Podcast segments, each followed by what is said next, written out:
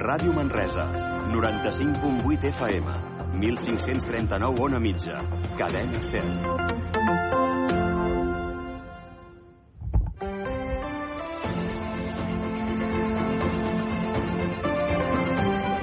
Hora L, Catalunya Central. Eli Pagant. Hola, què tal? Molt bon dia. Comencem hora la Catalunya Central. Passen 5 minuts de les 12. Cels força nuvolats encara a la ciutat de Manresa. 6 graus al centre. A Sant Domènec. Començarem avui amb un Consell de Salut demà de professionals de la clínica universitària, concretament de la Laia. Avui parlarem amb la Laia Sallés, que ens parlarà sobre el dolor d'espatlla després d'un ictus. Avui també en aquest hora la Catalunya Central parlarem del BAT-PRO, aquest batxillerat especial que s'imparteix des de les escoles FADAC de Catalunya, especialment a Manresa, però també ara també s'imparteix a Vic, a Lleida i Girona. En parlarem avui amb responsables de la FEDAC de tot Catalunya i també amb una exalumna d'aquest VAPRO. Una entrevista de la Tània Rodríguez i avui és dijous, per tant toca parlar de salut. Saben vostès dos que s'han incrementat aquests virus respiratoris molt i molt i fa doncs que hores d'ara s'hagi d'anar als centres mm, hospitalaris i també doncs als CAPs amb mascareta. Avui en parlarem amb la Dolors Mas. Anem a fer quatre titulars d'aquesta jornada. El bus urbà de Manresa ha trencat aquest 2023 tots els rècords de viatgers assolits fins ara i ha transportat en un any un total de 2.878.647 persones. Mai abans havien estat tantes. A més a més, l'augment respecte a l'any passat ha estat molt significatiu. L'increment és del 33% amb un total de 709.959 usuaris més que el 2022. Una part de la població de Torà fa mesos que té problemes amb el subministrament d'aigua i amb la sequera actual el problema s'agreuja. En concret, la part sud d'aquest municipi del Solsonès des del mes de juny no pot consumir aigua que surt de l'aixeta. El problema és que aquesta aigua de Torà està molt calcària, amb els continguts de guix i de calç. I el Departament de Salut va determinar aquest mes de juny que ja no podrien consumir aquesta aigua.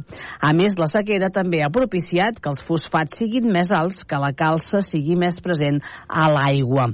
Torà s'abasteix d'uns pous propis que ara ja no són potables. L'ACA ha fet un estudi per veure des d'on Torà es pot abastir amb més facilitat. Els vegencs han hagut de destinar de mitjana el 15% de la renda per a pagar el pis de lloguer aquest any 2023 i no és la xifra més alta de la Catalunya central. Els percentatges pugen fins al 17,5% al Moianès, el 17% a la Noia i el 16,7% a Osona. Per sota es troben Solsonès amb un 13,8% i el Berguedà amb un 12,5%. Anem per les portades. Comencem pel que explica el diari Regió 7, que diu que la nevada d'aquesta passada matinada i el fred des de Reis rellancen la temporada d'esquí a la Cerdanya. També parlen d'una alerta per neu a Catalunya. La nevada amb l'enclina a la Cerdana la Cerdanya, perdó, l'Alt Urgell, el Berguedà i el Solsonès i també treu el cap a la comarca de la Noia. El diari Regió 7 també explica que el Museu del Barroc de Manresa obrirà per la llum gestionat per una nova empresa pública. Continuem aquest repàs anant fins al Nació Berguedà, fins l'Equí Berguedà, que parla doncs, que neva amb ganes en diversos punts del Berguedà. Hi ha nevat, diu, amb alegria en diversos punts de l'Alt Berguedà, mentre que punts més baixos, com ara el Santuari de Caral, els flocs han estat molt més tímids.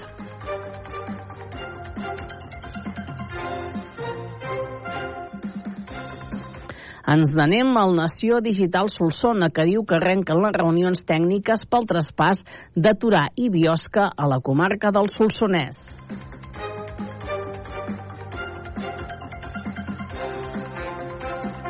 Acabem aquest repàs que fem tots els dies, anant fins la comarca de la Noia, sabent el que publica l'infonoia.cat, que precisament fa referència que la neu enfarina cotes altes de la Noia i que arranquen les festes de l'antic gremi de traginers d'Igualada i que Vilanova celebra la 30a pujada als dipòsits.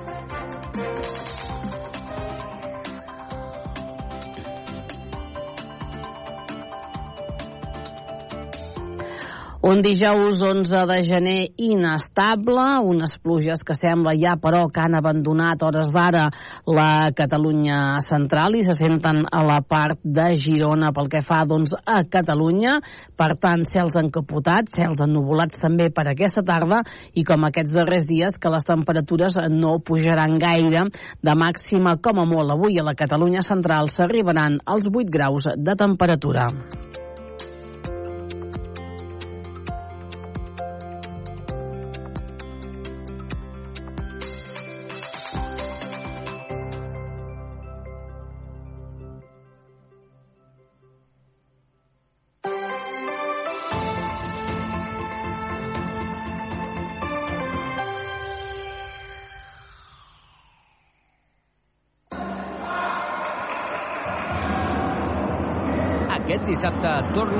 De Futbol Sala a segona divisió B i ho fem amb el Covisa Manresa Natació Sabadell.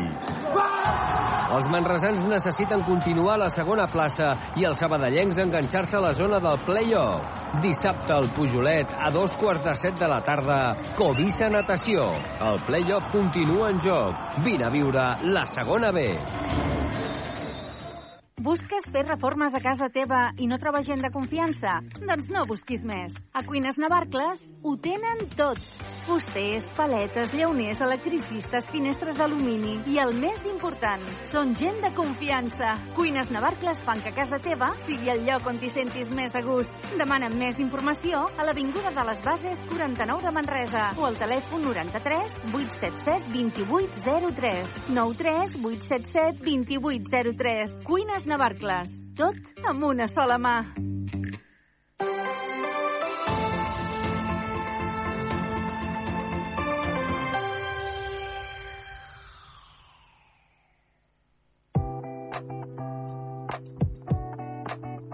El Consell de Salut.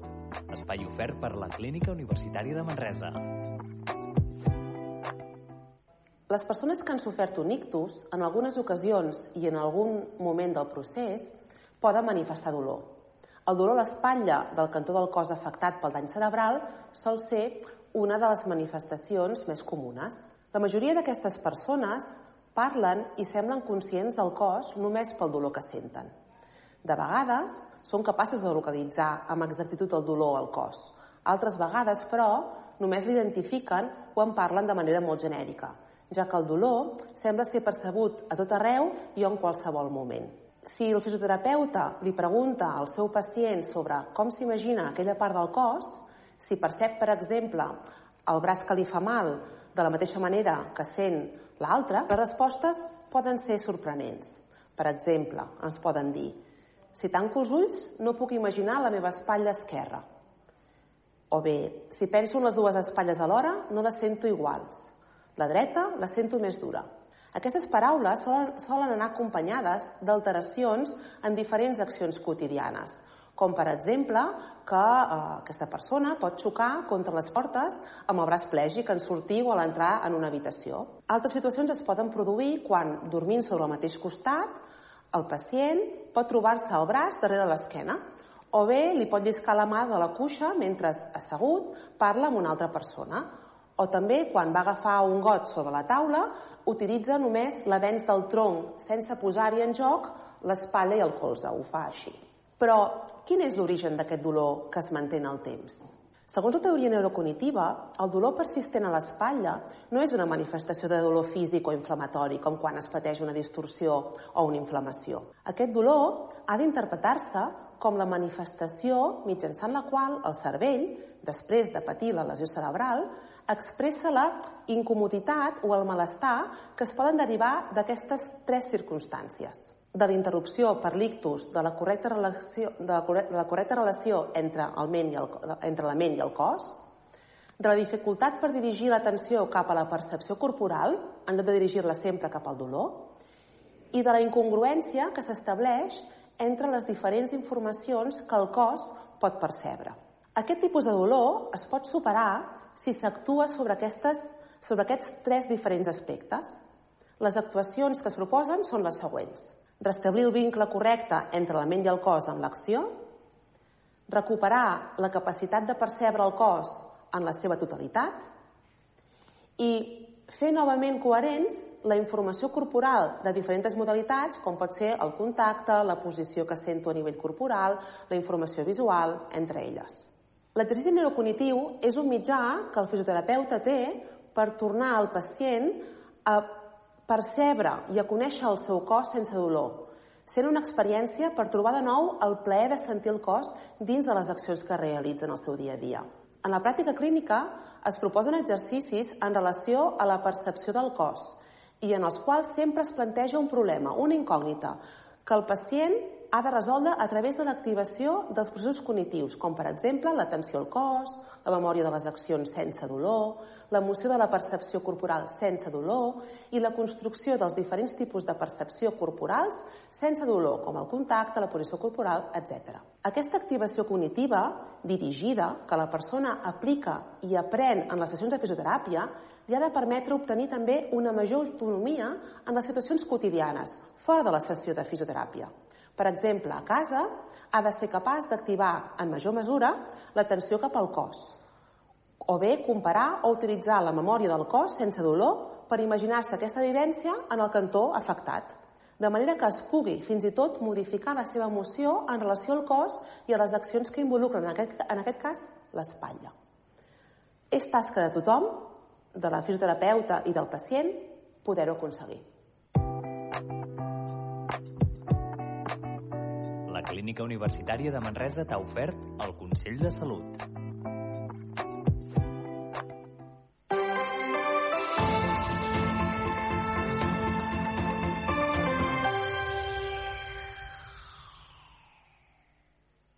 En Manu, el Minimans, Manis pels amics, no, ha contractat la llum a Factor Energia i no, No. s'estalvia en 12,5%. Manu, contracteu tots la llum. A factorenergia.cat i no farem més anuncis. Per fi hi ha un altre llum. Factor Energia. Empresa col·laboradora amb la Barcelona Equestrian Challenge. Mariano, ara que Cuines Navarcles ens ha fet la cuina nova, el bany... Estic com una reina a casa meva. Però, però, i, i si canviéssim les finestres? Cuines Navarcles te les posa d'alumini i queden tan maques. Mariano! Vinga, Mariano, fes-li cas. Cuines Navarcles, t'ho pot fer tot. Som a l'Avinguda de les Bases, 49 de Manresa. Telèfon 93 877 2803 93 877 2803. Cuines Navarcles, tot amb una sola mà.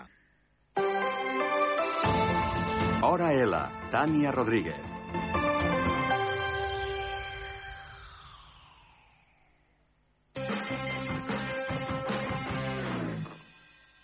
Aquest és el cinquè curs que s'imparteix al BAT Pro a l'escola FEDAC Manresa, un batxillerat inèdit a Catalunya, que hores d'ara s'imparteix a Manresa, però també a Vic, a Lleida i a Girona. Per parlar d'aquest batxillerat hem convidat al programa el director de les 27 escoles FEDAC, el Modest Jou. Molt benvingut al programa, Modest. Gràcies, Tània, per convidar-nos. I tenim també a una exalumna de la primera promoció del BAT Pro, la Clara Peris. Molt benvinguda, Clara. Moltes gràcies, Tània. Bé, d'entrada, per, per entrar en matèria, per situar-nos, Modest ens podria dir com definirien aquest BAT Pro? Bé, mm, el BAT Pro és un batxillerat eh, que pretén posar la persona en el centre del procés d'aprenentatge. És un BAT Pro que en lloc de prioritzar un procés de selecció i un procés de, de molt academicista, que són els altres batxillerats, posa en el centre la persona i el seu procés de creixement per descoberta de, de la seva autenticitat. És BAT Pro, eh, aquest Pro el podríem posar pro persona, proactiu, professionalitzador i, eh, en definitiva, que aquesta persona que està en un moment clau de la seva vida per l'esdevenir, doncs pugui fer la millor de les eleccions pel seu futur. Mm -hmm. Per tant, el propòsit no són els resultats acadèmics, podríem dir.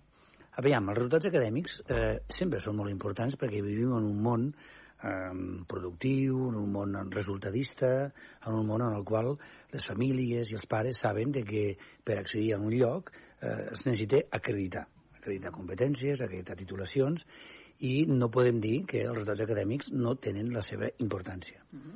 Però és molt diferent de pensar que els resultats acadèmics són el nucli de que eh, el treball curricular que s'ha de fer en una etapa tan important com és aquesta i, en canvi, posar en el nucli la persona i el seu procés, que en aquest moment tan decisiu de la seva vida pugui descobrir la seva autenticitat per fer una elecció que pot ser molt decisiva pel seu futur. Mm. Estem parlant, per tant, d'un canvi no, en el sistema educatiu? El BAT, però, eh, ve a, a aportar una certa llum d'un canvi que hauria de ser a tot el sistema educatiu. És a dir, tenim un sistema educatiu muntat base eh, un sistema reproductiu, productiu, tailorista, de selecció de mà d'obra per la societat. I aquesta eh, és la realitat que ens ha tocat viure en el darrer segle. És evident que els nostres alumnes, quan va finalitzant aquest període del sistema educatiu de la seva vida, doncs comencen a sentir la pressió de fer aquesta elecció. Una pressió que ve donada pel mateix sistema, ve donada per la pressió de grup social en el qual pertanys i ve donada també per la família que des de que tenim el nostre primer fill o filla, doncs ja llancem sobre ell totes les nostres expectatives de, del que serà, no? Si vinc d'una família de farmacèutics voldré que sigui farmacèutic, si vinc d'una família de pagesos que sigui el pager de la família, etc etc. I en aquesta edat es concreta tota aquesta pressió en una personeta de 14, 15, 16, 17 anys que de cop i volta ha de donar resposta a tota aquesta pressió que té sobre seu.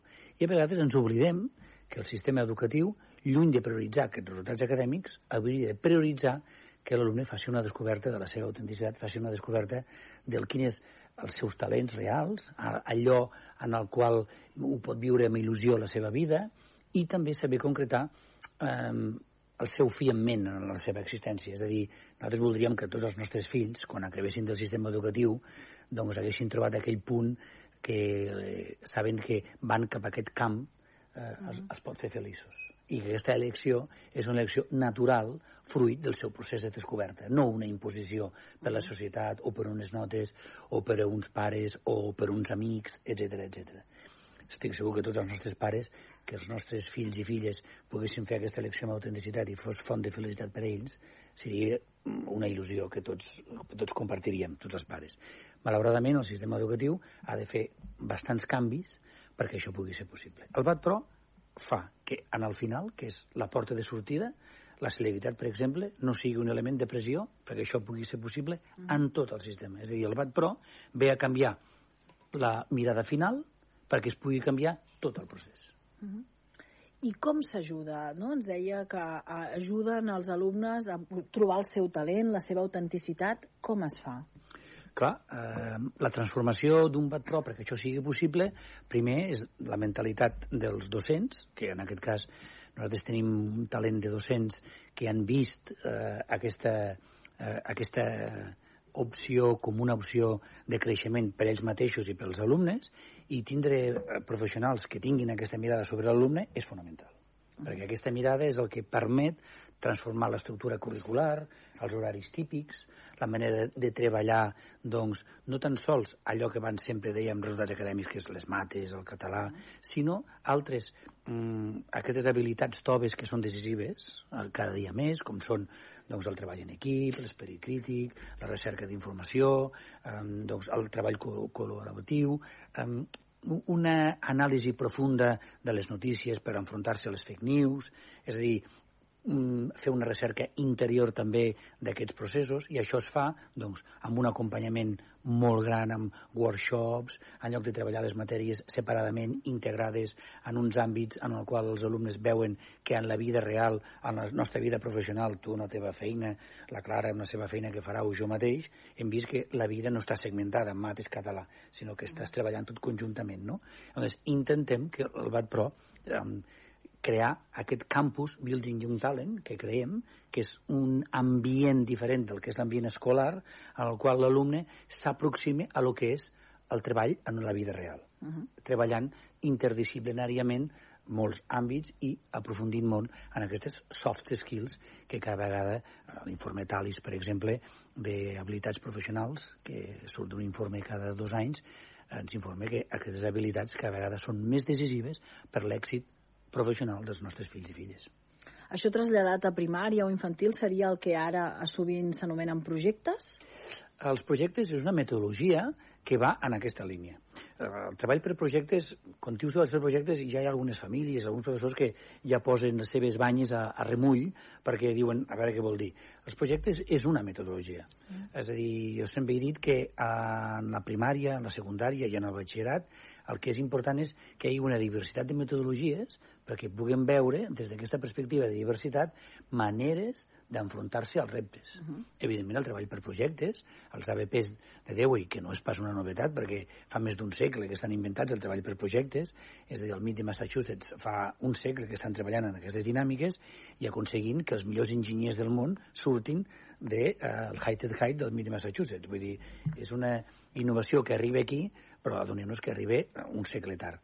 Però és una de les metodologies, sí, és una metodologia de, de treballar integradament la diversitat de, de matèries, la diversitat uh -huh. d'àmbits competencials que avui en dia necessita desenvolupar un alumne perquè mm, bueno, faci aquesta descoberta no tan sols de la passió i la missió que la motiva en, en la seva vida, no? sinó que també sàpigui trobar aquella vocació uh -huh. que alimenta el seu esperit, que alimenta, que alimenta la seva energia, que el fa llevar al matí perquè troba sentit anar a l'escola, perquè troba sentit que ha trobat la seva vocació, i aquesta vocació a vegades la focalitzem molt a tu què faràs de gran, no? Jo crec que el, el més important és orientar-nos a la vocació, mm. perquè després hi ha moltes professions, moltes professions que estan orientades a la vocació, és a dir, un pot tindre vocació de cuidar animals. Això és la vocació. Després, amb què em dedicaré jo si cuido animals? Puc ser granjista, puc ser veterinari, puc treballar en una gossera, puc, puc cuidar cavalls, puc fer moltes coses vinculades a això. Em puc dedicar a la biologia i ser biòleg eh, submarí. És a dir, hi ha moltes maneres de cuidar aquesta vocació. Això és el que l'escola hauria de, de prioritzar i eh, hem, hem oblidat. I hem de ser també, els que ens estem al món de l'educació, tindre aquest esperit crític de saber que en el nostre sistema educatiu tenim de canviar coses pel bé dels nostres alumnes que, en fi, al cap són el centre del nostre, eh, de la nostra feina. Bé, i una alumna va ser la Clara Peris. Clara, primera promoció del BAT Pro Manresa, FEDAC Manresa. Com ho vas viure? Doncs mira, jo, com has dit tu, vaig ser la primera promoció. La meva experiència va ser molt bona, tant personal com, com acadèmicament, perquè crec que vaig uh, créixer com a persona. Jo, quan vaig començar el BAT Pro, jo no trobava el meu camí. I com ha parlat el Modest, eh, Bat Pro proposa trobar el seu camí, trobar el seu talent. I llavors, quan anava avançant el curs i ja i era segon curs, eh, segon de batxillerat, eh, jo ben bé encara no sabia què volia fer, però ara mateix estic estudiant Educació Social i gràcies al BAT Pro i a les eines que m'ha donat aquest batxillerat he pogut veure el que volia treballar com a vetlladora, per exemple, com a la universitat que estic estudiant, educadora social. Jo penso que Bat, Bat Pro dona moltes eines a l'hora de trobar el, el teu talent, que és el més important. Sempre ens quedem en, en un, per exemple, estem acostumats a un batxillerat convencional de dir, per exemple, fem la teoria i després ja passem a un examen memorístic. En el cas de Bat Pro, que jo vaig ser la primera promoció, estem parlant de tot un procés d'aprenentatge durant el curs, per exemple, fent vídeos, per exemple, fent simulacions, presentacions. Us posaré un exemple que jo, per exemple, a primer curs, amb un professor, ens van donar de feina a la, la sèrie i la novel·la Terra Baixa, doncs que podies, podies fer com un petit tràiler o una obra de teatre. I d'aquesta manera, amb aquestes eines, s'aprèn més que, per exemple, si ens posen un examen sobre aquesta pel·lícula, mm -hmm. perquè no aprens tant, no hi ha tant aprenentatge com això. I, i hi ha hagut molt bona experiència en aquests dos anys. O sigui, repetiries, eh? I tant, i, i tant. tornaries a sí, fer la mateixa lecció. va ser una època molt bona. I, i, I com vas decidir? Clar, tu no tenies un precedent, no s'havia fet abans el BAT, però et va costar decidir-te? Sí, jo quan vaig, jo quan vaig acabar quart d'ESO encara no sabia què volia fer, però vaig veure FEDAC Manresa, perquè jo sóc de Súria, vaig veure que FEDAC Manresa feien una proposta i vaig anar a les portes obertes i la manera que, com ho van explicar i els espais, que sobretot per mi és molt important, els, allò que dèiem, que deia el Modest, els espais acollidors i que siguin amples, doncs jo vaig veure, vaig visitar FEDAC Manresa i em va veure que, que, feia, bueno, que feia una bona propaganda, que hi havia bons projectes i llavors vaig començar a fer primer de, de batxillerat i, i llavors allà ja vaig començar el meu camí.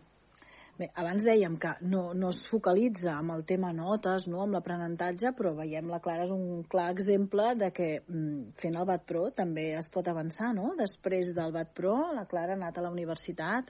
Qui, sí. Quins són els resultats? Els resultats, eh, primer, els resultats és veure la Clara. Mm -hmm. és, és jo, i no la Clara, perquè recordo molts alumnes que hem tingut en aquestes promocions, la Clara de l'Hisenda, eh, que en el principi doncs, eh, com parlàvem amb molts alumnes i veus com arriben els alumnes en el BAT Pro en aquesta sensació de fracàs del sistema educatiu, no? Mm -hmm. I et dones compte com eh, eh, aquest fracàs de què parlen no és un fracàs de la persona que et parla, és un fracàs del nostre sistema educatiu. Mm -hmm. Perquè després venen al nostre batxillerat del PRO, creem aquest context, com ha dit ella, en aquest context és un procés de descobert, és un procés que hi ha processos de regulació i feedback per acompanyar l'alumne perquè sàpigui trobar, perquè trobar el talent és un pas previ a saber concretar això en quin és el següent esglaó que tinc de fer.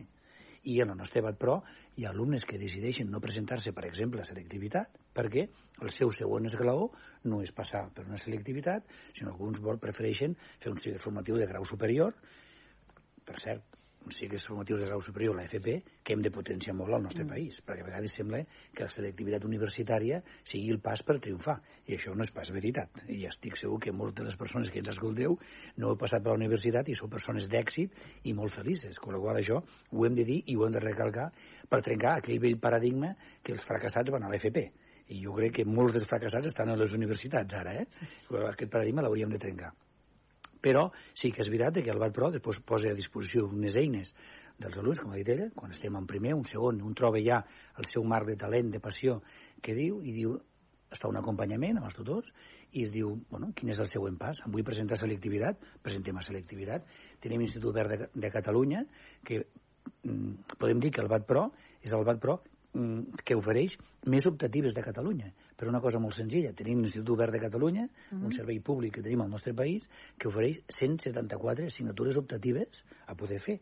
Els nostres alumnes es poden matricular en qualsevol d'aquestes assignatures optatives, tenen un, un acompanyament en el propi centre per realitzar aquestes optatives, perquè sabem que realitzar bé aquestes optatives, si et vols presentar a selectivitat, et dona un plus de valor per aconseguir millor nota, i si l'alumne diu que el seu camí és anar cap a la selectivitat, doncs podem dir que tots els alumnes que hem presentat a la selectivitat, tant a FEDAC Sant Narcís com a FEDAC Manresa, que són les escoles que ja han fet promocions, que ja han anat a la selectivitat, el 100% dels alumnes han aprovat la selectivitat i han pogut seguir el seu camí universitari. Perquè hi ha una altra qüestió. Eh, arribar en aquest procés no és una cosa que s'hagi fer a segon perquè nosaltres a FEDAC estem en un procés de, de reconversió que també, també tenim batxillerats que no són pro mm. i jo vaig a parlar amb aquests alumnes i veig l'angoixa dels alumnes del segon de batxillerat. Qualsevol que heu tingut fills que esteu a casa ens escolteu, si heu tingut fills de segon de batxillerat sabeu que això és un desert que un alumne faci segon de batxillerat amb un batxillerat convencional, com deia la, la Clara. És un desert perquè l'alumne pateix, és un alumne de patiment.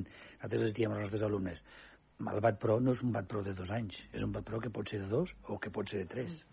I en aquest tercer any tu pots fer una preparació de la selectivitat i, i preparar bé quin és el teu futur. Llavors, aquestes són les pautes, no? És a dir, primer detecto la meva passió, la meva vocació, i quan la vull concretar en una professió o en una vocació, quin és el pas que tinc de fer? Vull una selectivitat? Preparem per una selectivitat. Vull anar a fer un cicle formatiu? Quin cicle formatiu? Fem experiències de visitar empreses i veure quin de tots, ella amb l'educació social, però segurament que va tindre experiències de veure, m'agrada aquest àmbit, no m'agrada aquest àmbit, visitem empreses, tenim experiències, i anem ve veient quin és l'àmbit i quina família professional és del meu interès. I aquest mm. acompanyament és essencial, sigui per passar la selecció de selectivitat, que en aquest país, mentre estigui muntat així, doncs malauradament hem d'acompanyar els alumnes també a aconseguir això, però ho estem aconseguint. Mm -hmm. Clar, jo m'imagino, quan un alumne acaba quart d'ESO, um, et planteges, faig batxillerat, si decideixes fer batxillerat, no? Batxillerat social, humanístic, artístic, el BAT, però on està?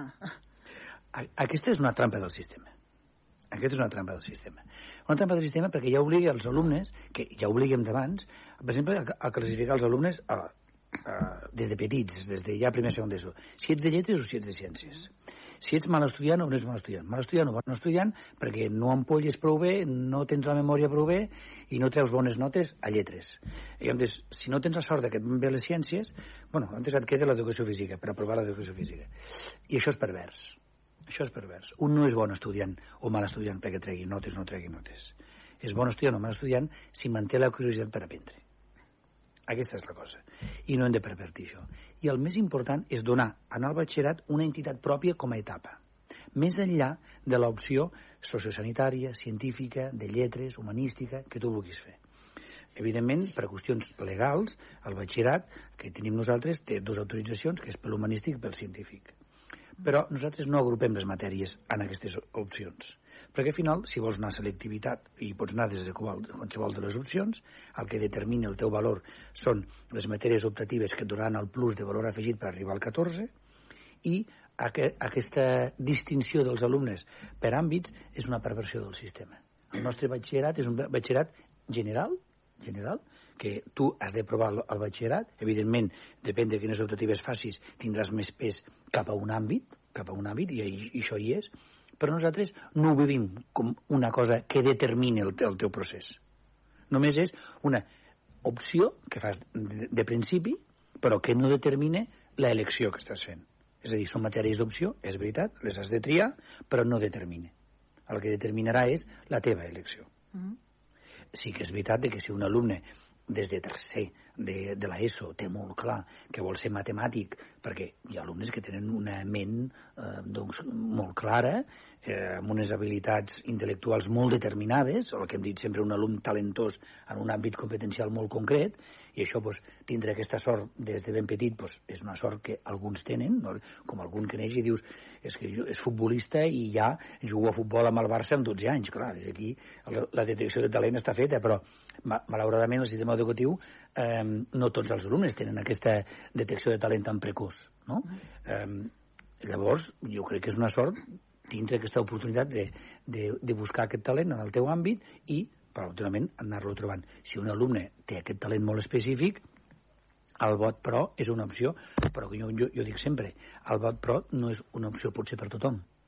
És una opció per a aquelles persones que estan en aquest procés. Pot ser una persona que té molt clar que vol fer eh, matemàtiques exactes, doncs eh, pot vindre a fer el vot pro i estarà contentíssim, treurà la nota, accedirà a la selectivitat i tal. Però a la millor la modalitat de tindre un espai ampli, un horari laxe, eh, una autonomia en l'aprenentatge, a la millor no li va bé, eh, perquè és una modalitat. No pretenem ser la resposta per tothom pretenem ser una resposta per al que ho necessiti. Mm. I llavors jo, Tània, volia afegir que, per exemple, el Modés ha parlat de les matèries i dels àmbits, per exemple, com he dit abans, en un batxillerat convencional, per exemple, parlaríem de, de matèries, però Bat Pro està fet perquè estiguin agrupades, com deia el Modés, per àmbits, per aquelles habilitats que tu fas servir o per aquelles habilitats que a tu t'agraden. Sí que, per exemple, si hi han set optatives i una d'aquelles set que n'has de triar, per exemple, només t'agraden quatre, és depèn del talent que tinguis i depèn dels àmbits que t'agradi. Però sí que en un batxillerat com el BAT Pro està agrupat per àmbits i, per exemple, en el meu cas, nosaltres, dins de la meva experiència, fèiem emprenedoria, fèiem història de l'art i música, fèiem l'EM, que ara ja s'està impartint, a, per exemple, a infantil, a I4 i 5 a infantil, ja estan fent el lem, les habilitats, ja es comença des de ben petits, la història de la filosofia és com un agrupament, com una barreja de totes aquelles assignatures. I llavors, eh, d'aquesta manera, els alumnes, en lloc d'agrupar-ho per matèries, com fan ara convencionalment, es fa per àmbits. I d'aquesta manera l'alumne pot trobar el talent. Jo, per exemple, si és una persona que uh, no, no sap el que vol estudiar, està a quart d'ESO i no sap què vol estudiar, sí que uh, li diria, ostres, doncs vés aquí al BAT Pro perquè et pot anar bé i te'n pots en sortir bé. Però si és una, una persona, per exemple, ja vol estudiar Medicina o ja té clar que vol anar a la universitat, doncs batxillerat i selectivitat. Jo vaig fer el batxillerat i podies, eh, i al BAT Pro a Manresa podies fer la selectivitat o no. Et preparaven per fer la selectivitat. Mm. Però no era, diguéssim, com una obligació de que havies de fer la selectivitat i necessitaves una nota per la universitat. Jo vaig fer el batxillerat i després vaig fer un mòdul d'integració social a, a FEDAC Manresa també i ara a la universitat. Però perquè es vegi que depèn de l'alumne, depèn del talent, pot anar un cantó o pot anar un altre. Depèn de com se senti la persona i del que vulgui aconseguir. Mm. Per tant, aconselleu que eh, el BAT Pro sigui per, per aquelles persones que estan encara en aquest procés no? de cerca del seu talent? Mm, el, el, el BAT Pro s'aconsella per a aquelles persones en el qual eh, la, la modalitat del sistema educatiu molt academicista doncs eh, els hi suposa un entrebanc per continuar el seu creixement. Uh -huh. És a dir, és, um, el BAT Pro és una estructura curricular, com ha dit, però jo insisteixo, el BAT Pro és un campus Building Young Talent. És un campus en el qual eh, acompanyem el teu fill, acompanyem la teva filla a un procés de descoberta. Perquè faci una elecció que no ens trobem que arribem a un segon de batxillerat o un tercer de batxillerat, com dic jo sempre, i ens trobem amb un fill angoixat perquè no sap per què. Uh -huh perquè a vegades ens fixem molt en el com o en el què, què és el que fa, o com, per exemple, com, com, com avaluen. I jo, la, la principal pregunta que els faig als alumnes del batxillerat és per què vens a l'escola? És a dir, que, que trobin el motiu de per què van a l'escola. Quan un alumne no sap per què ha de fer batxillerat, el millor és que faci el BAT Pro. Perquè si el que li pot fer la família un consell és dir no abandonis el sistema educatiu perquè aprendre i créixer és la part més important que pots fer com a persona jove i si abandones el sistema educatiu abandones l'oportunitat de créixer i d'aprendre. Llavors, continua creixent, continua aprenent i posa en el centre del teu procés, ara que tens 16 anys, posa en el centre que no neguis a continuar aprenent i a continuar creixent. Ens oblidem de les notes, ens oblidem de què és el que faràs i ves a un entorn on puguis descobrir el sentit. I això pot ser persones que treuen molt bones notes, a tercer i quart d'ESO, que jo m'hi he trobat, que són perquè gent tenen talent i treuen molt bones notes. Però dius, ara jo aquestes notes a què les vull dedicar? -huh. Aquesta és una gran pregunta, perquè tenim tots nosaltres fills que són molt talentosos, però diu, vale, jo m'he adaptat al sistema educatiu i he tret bones notes, perquè el sistema educatiu, la conclusió de que si estàs bé a l'escola és que treus bones notes. és, mm. és aquesta situació perversa. Però la pregunta és, per a què? -huh. Per a què? Si busques un per a què, busca un per pro. I, Modest, aquesta filosofia de posar la persona el centre, ajudar-la a buscar el seu talent del BAT Pro, va en sintonia amb la filosofia de les 27 escoles FEDAC? Bueno, mm, a FEDAC, eh, avui quan estava fent el cafè un senyor m'ha preguntat quants educadors sou a FEDAC i són 1.400 educadors. Uh -huh. eh, con la qual, com t'he dit, és un canvi de mentalitat. És un canvi de mentalitat que eh, és un canvi de paradigma educatiu. I és un canvi de paradigma educatiu que està arribant a les escoles no d'arreu de Catalunya, està arribant a les escoles d'arreu del món. Uh -huh. És a dir, al món anem a una configuració d'una consciència de la humanitat que no és d'un nivell productiu i extractiu del món, sinó que hem de buscar uns criteris de sostenibilitat i de convivència amb la natura. I això canvia d'arrel molt dels sistemes que tenim instaurats en la societat molts dels sistemes. I un dels sistemes més importants, i és on l'escola tindrà un protagonisme molt gran, és el sistema educatiu. El sistema educatiu ha de canviar radicalment. Realment ens hem de creure tots que l'escola, més que acompanyar i guardar els nens i que treguin unes bones notes amb unes assignatures, és un procés d'empoderar les noves generacions perquè tinguin aquesta mentalitat de què fem amb l'energia, què fem amb l'aigua, què fem amb el clima, què fem amb les nostres comunitats veïnals, què fem amb el nostre entorn, i aquest és un repte majúscul, que no passa perquè un alumne tregui bo, bones notes de les típiques mates, llengua i anglès, que és el que avalua PISA, sinó que els alumnes siguin sensibles, empàtics, que escoltin, que cooperin, que s'impliquin, que actuïn amb responsabilitat ambiental. I això és canviar el perfil, el perfil curricular del que el sistema prioritza.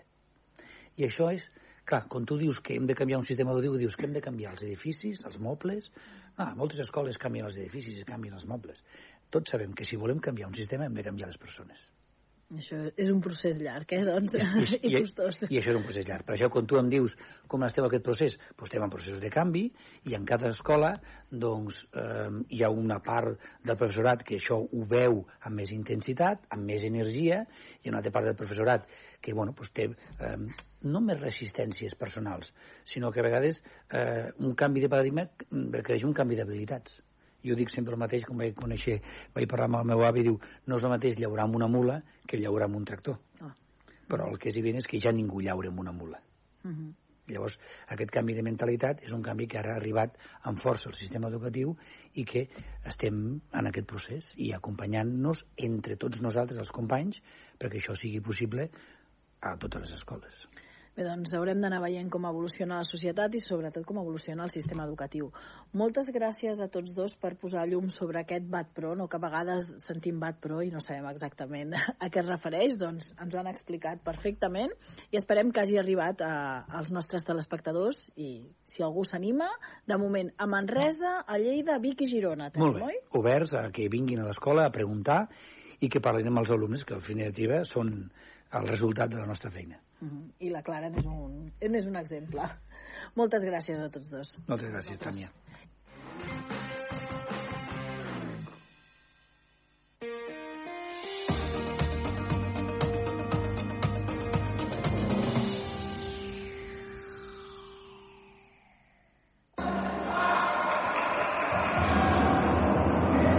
Dissabte torna la Lliga de Futbol Sala a segona divisió B i ho fem amb el Covisa Manresa Natació Sabadell. Els manresans necessiten continuar a la segona plaça i els sabadellencs enganxar-se a la zona del play-off. Dissabte al Pujolet, a dos quarts de set de la tarda, Covisa Natació. El play-off continua en joc. Vine a viure la segona B. Bàsquet a Ràdio Manresa. L'equip encapçalat per Carles Coder i Josep Vidal t'ho expliquen tot el detall, amb prèvies, narracions, entrevistes i anàlisi de cada partit. 95.8 FM, radiomanresa.cat i aplicacions per iOS i Android. Aquest diumenge, a partir de dos quarts de cinc de la tarda, Baxi Manresa, Bascònia. Amb el patrocini d'Equívoc Albert Disseny, la taverna del Pinxo, Expert Joanola Fotomaton, Control, Frankfurt Cal Xavi, GST Plus, Viatges Massaners i Clínica La Dental Doctora Marín.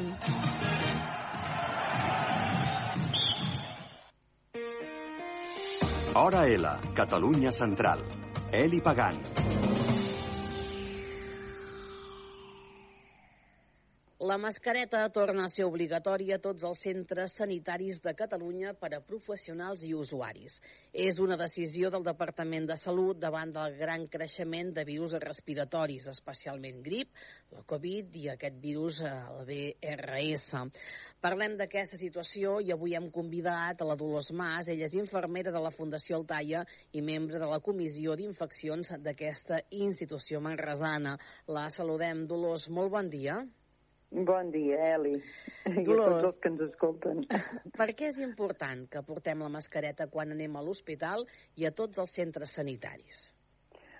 Bé, els hospitals i qualsevol centre sanitari són llocs, com tothom sap, doncs, que hi tenim persones malaltes que poden estar ingressades doncs, per infeccions i també d'altres que tenen altres malalties que per aquest motiu doncs, poden, per el fet d'estar malalts, poden ser més susceptibles a contraure doncs, diferents infeccions.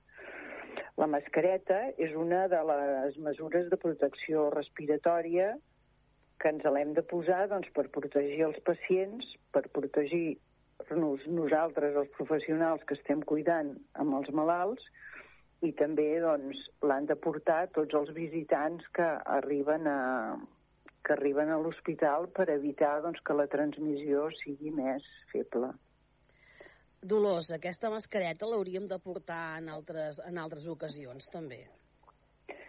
Sí, a veure, no és obligatòria, però, a veure, sempre doncs, que, que estiguem constipats, és a dir, que tinguem símptomes respiratoris com tos, estornuts, eh? llavors doncs, eh, és recomanable doncs, que la portem per tal d'evitar la transmissió a altres persones. I jo doncs, també recomanaria tot i que no hi ha cap decret, doncs en altres llocs on hi ha molta afluència de gent. Eh? Per exemple, doncs, quan vas a l'autobús, en el transport públic, que és una hora doncs, que hi ha molta gent, doncs també recoman seria recomanable posar-la al metro, eh?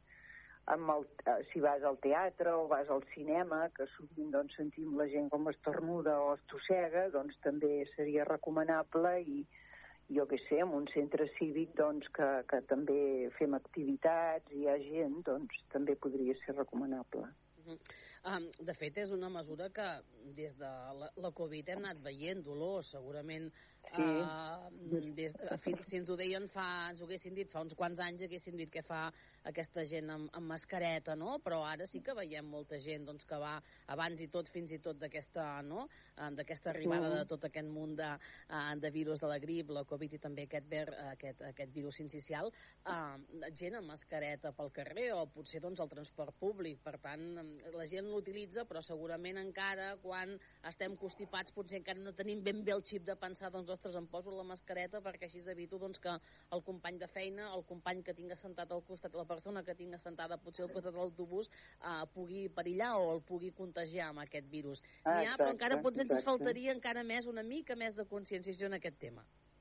Ah, això mateix. És, a veure, és evident que, que ja fa molts anys, ja durant la, la pandèmia de la grip del, del 2009, que ja el departament va posar durant tota l'època d'epidèmia de l'hivern, ja va posar com, com la mascareta i tota una sèrie de mesures d'higiene respiratòries durant tot, tota aquesta època, durant tota aquesta temporada, que ja era la, la mascareta, la higiene de mans i tot això, vull dir que, que no és pas nou d'ara, eh? El que passa que ara es reforça, eh? Es reforça. Ara deies, per exemple, aquestes, aquesta, no, rentar-nos a les mans, eh? aquesta, aquest fet que hauria de ser el més habitual, que també el vam, eh, el, es va incrementar molt més per quan amb la pandèmia. Quines altres mesures Mhm. podem seguir per tal d'evitar la propagació de virus respiratoris? Aquest rentar de mans és essencial, també. Sí, clar, vull dir, quan tu tens, o sigui, això ja ens ho ensenyaven des de petit, quan tu tens, quan tu estossegues, estornudes, eh, tapen la boca, no? Tapen la boca, això és una mesura per no treure, doncs, els miasmes, els virus cap, cap a l'exterior i encomanar amb altres persones.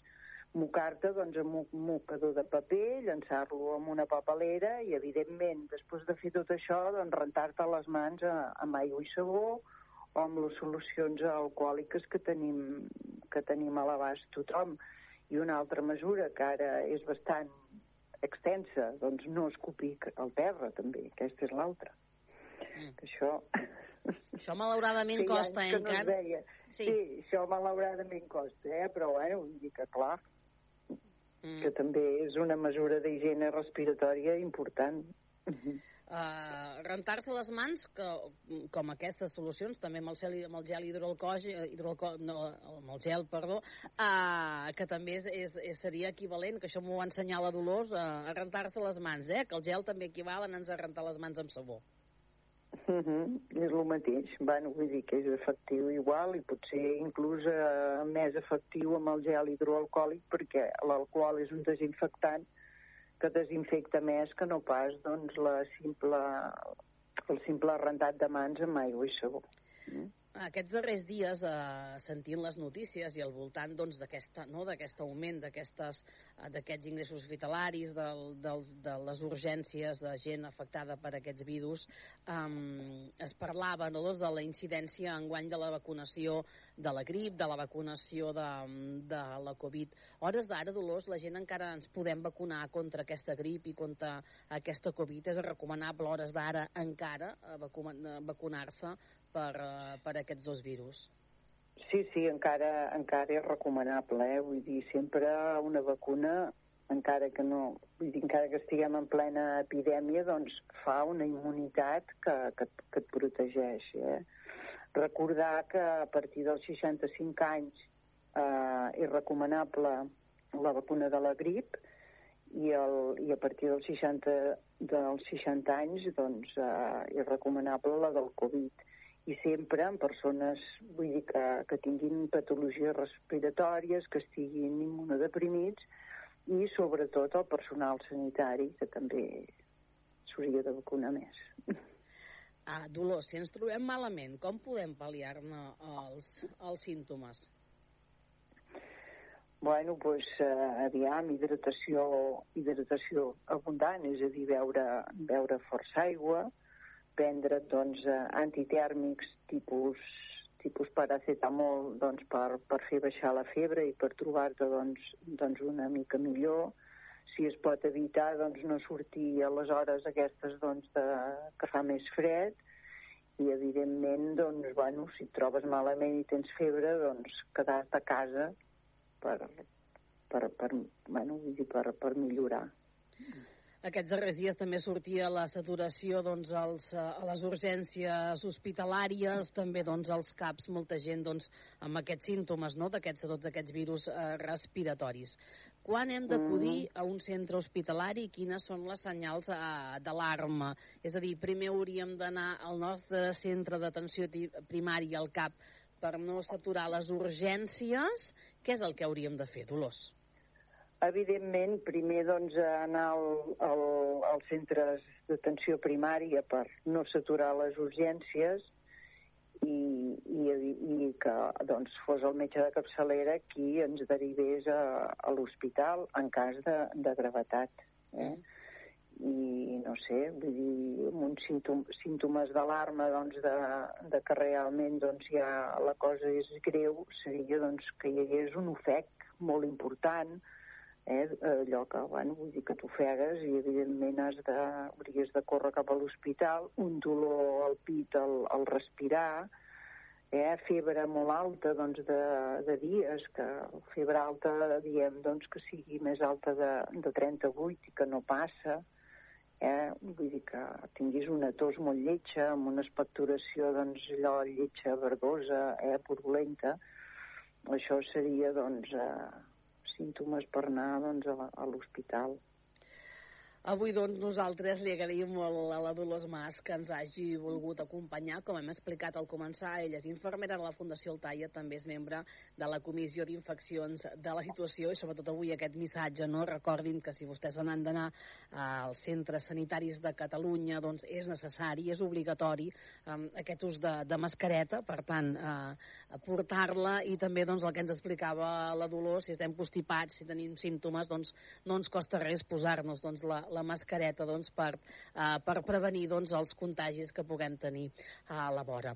Dolors, moltes gràcies. Voldria afegir Sí, una tant. cosa. Puc? Sí, oi tant, oi tant, oi tant, només faltaria, digues. Sí, que donada la influència d'aquests virus i, i en els hospitals, és recomanable que una mica doncs, que, que, la, que les persones visitin els, els pacients però que no facin visites d'aquestes de, de compliment. Uh -huh. És a dir, que vagin de visita amb el sentit d'acompanyar-los, però no, que no hi hagi gaire afluència de visitants, perquè això també eh, contribueix a que quan més afluència de gent tinguem a l'hospital, més risc de transmissió pels, de, de virus pels, pels pacients. Uh -huh. Eh? Per, és una, una recomanació que volia fer. Molt bé, està bé. Està bé, està bé. Doncs també l'altra recomanació, eh? és a dir, la persona que hagi d'estar ingressada, doncs en tot cas, si ho necessita, doncs un acompanyant, no? I prou, eh? No és allò de, de, no és allò de que les, els, les urgències o l'hospital es converteixin en una, en una rambla de, de gent i amunt i avall, que el que provoca doncs, és que també aquests, aquests virus encara, encara, encara vagin, vagin més ràpid pel que fa al contagi. Dolors, moltíssimes gràcies. Molt bé. Fins la propera. Molt bé, moltes gràcies. Adéu-siau. A vosaltres. Adéu.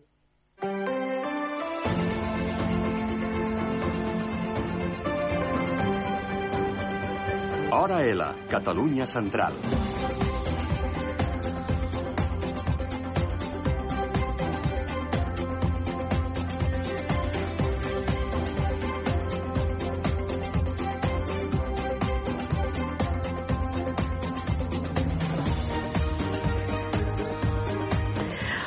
Minut i mig i arribem a la una del migdia. Acabem aquest hora i la Catalunya Central. Com sempre, tornem demà, quan passin uns minutets de les 12 del migdia. Demà en aquest hora la Catalunya Central tindrem, com tots els divendres, a l'Arnau Graner. Sabrem, ens parlarem d'aquestes pluges i especialment també d'aquesta neu que segur tant les pluges com les neus seran beneficioses per a aquesta sequera. Això sí, no la solucionaran. Qui ens explicarà molt millor serà l'Arnau Graner.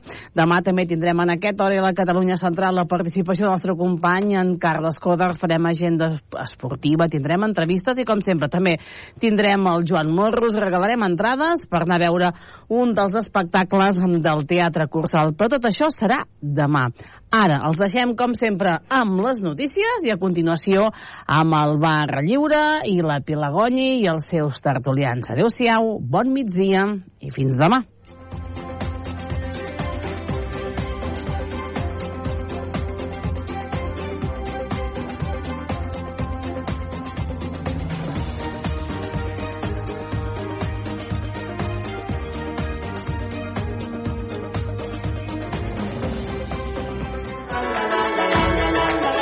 Ser Catalunya.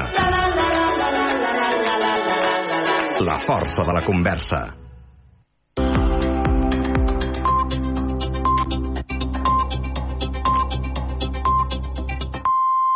Es la una a las 12 en Canarias. El ministro de Agricultura, Luis Planas, reconoce que la rebaja del IVA del aceite de oliva, pasada con Junts para poder sacar adelante dos de los decretos anticrisis en el Congreso, ayudará a bajar su precio. Eso sí, avisa Planas de que lo que más afectará a lo que paguemos en el supermercado será la reducción de la cosecha por la sequía y las altas temperaturas. Hemos eh, tenido una cosecha que ha sido en un 55% inferior en la última campaña a una campaña media este es el auténtico factor inflacionario. Lo conocemos bien en el sector agrario y particularmente en el caso del aceite, pero en estas últimas dos campañas ha sido, eh, digamos, muy acentuado. Evidentemente, esa rebaja eh, del IVA contribuirá a atenuar ese incremento. Otro de los asuntos que el PSOE ha pactado con Junts ha sido el traspaso de las competencias sobre inmigración, un asunto que tendrá que trabajar ahora Gobierno Central y Generalitat. En unos minutos espera que la consellera de Presidencia, Laura Vilagrá, desquerra de más detalles de la conversación que esta mañana, conversación que esta mañana ha mantenido con el ministro de la Presidencia para abordar este tema. Un asunto sobre el que alertan los sindicatos policiales. El SUP ha enviado una carta al ministro del Interior y ha pedido amparo ante la Unión Europea. Jacobo Rodríguez, portavoz hemos solicitado el amparo de la Unión Europea frente a lo que consideramos un riesgo extremo para nuestras fronteras. A juicio de este sindicato, este traspaso de competencia supone la casi total desintegración de la Policía Nacional en Cataluña. Advertimos además que se va a encontrar enfrente con el Sindicato Unificado de Policía, nos va a tener eh, enfrente en una posición firme y contundente. No vamos a permitir el desmantelamiento de la Policía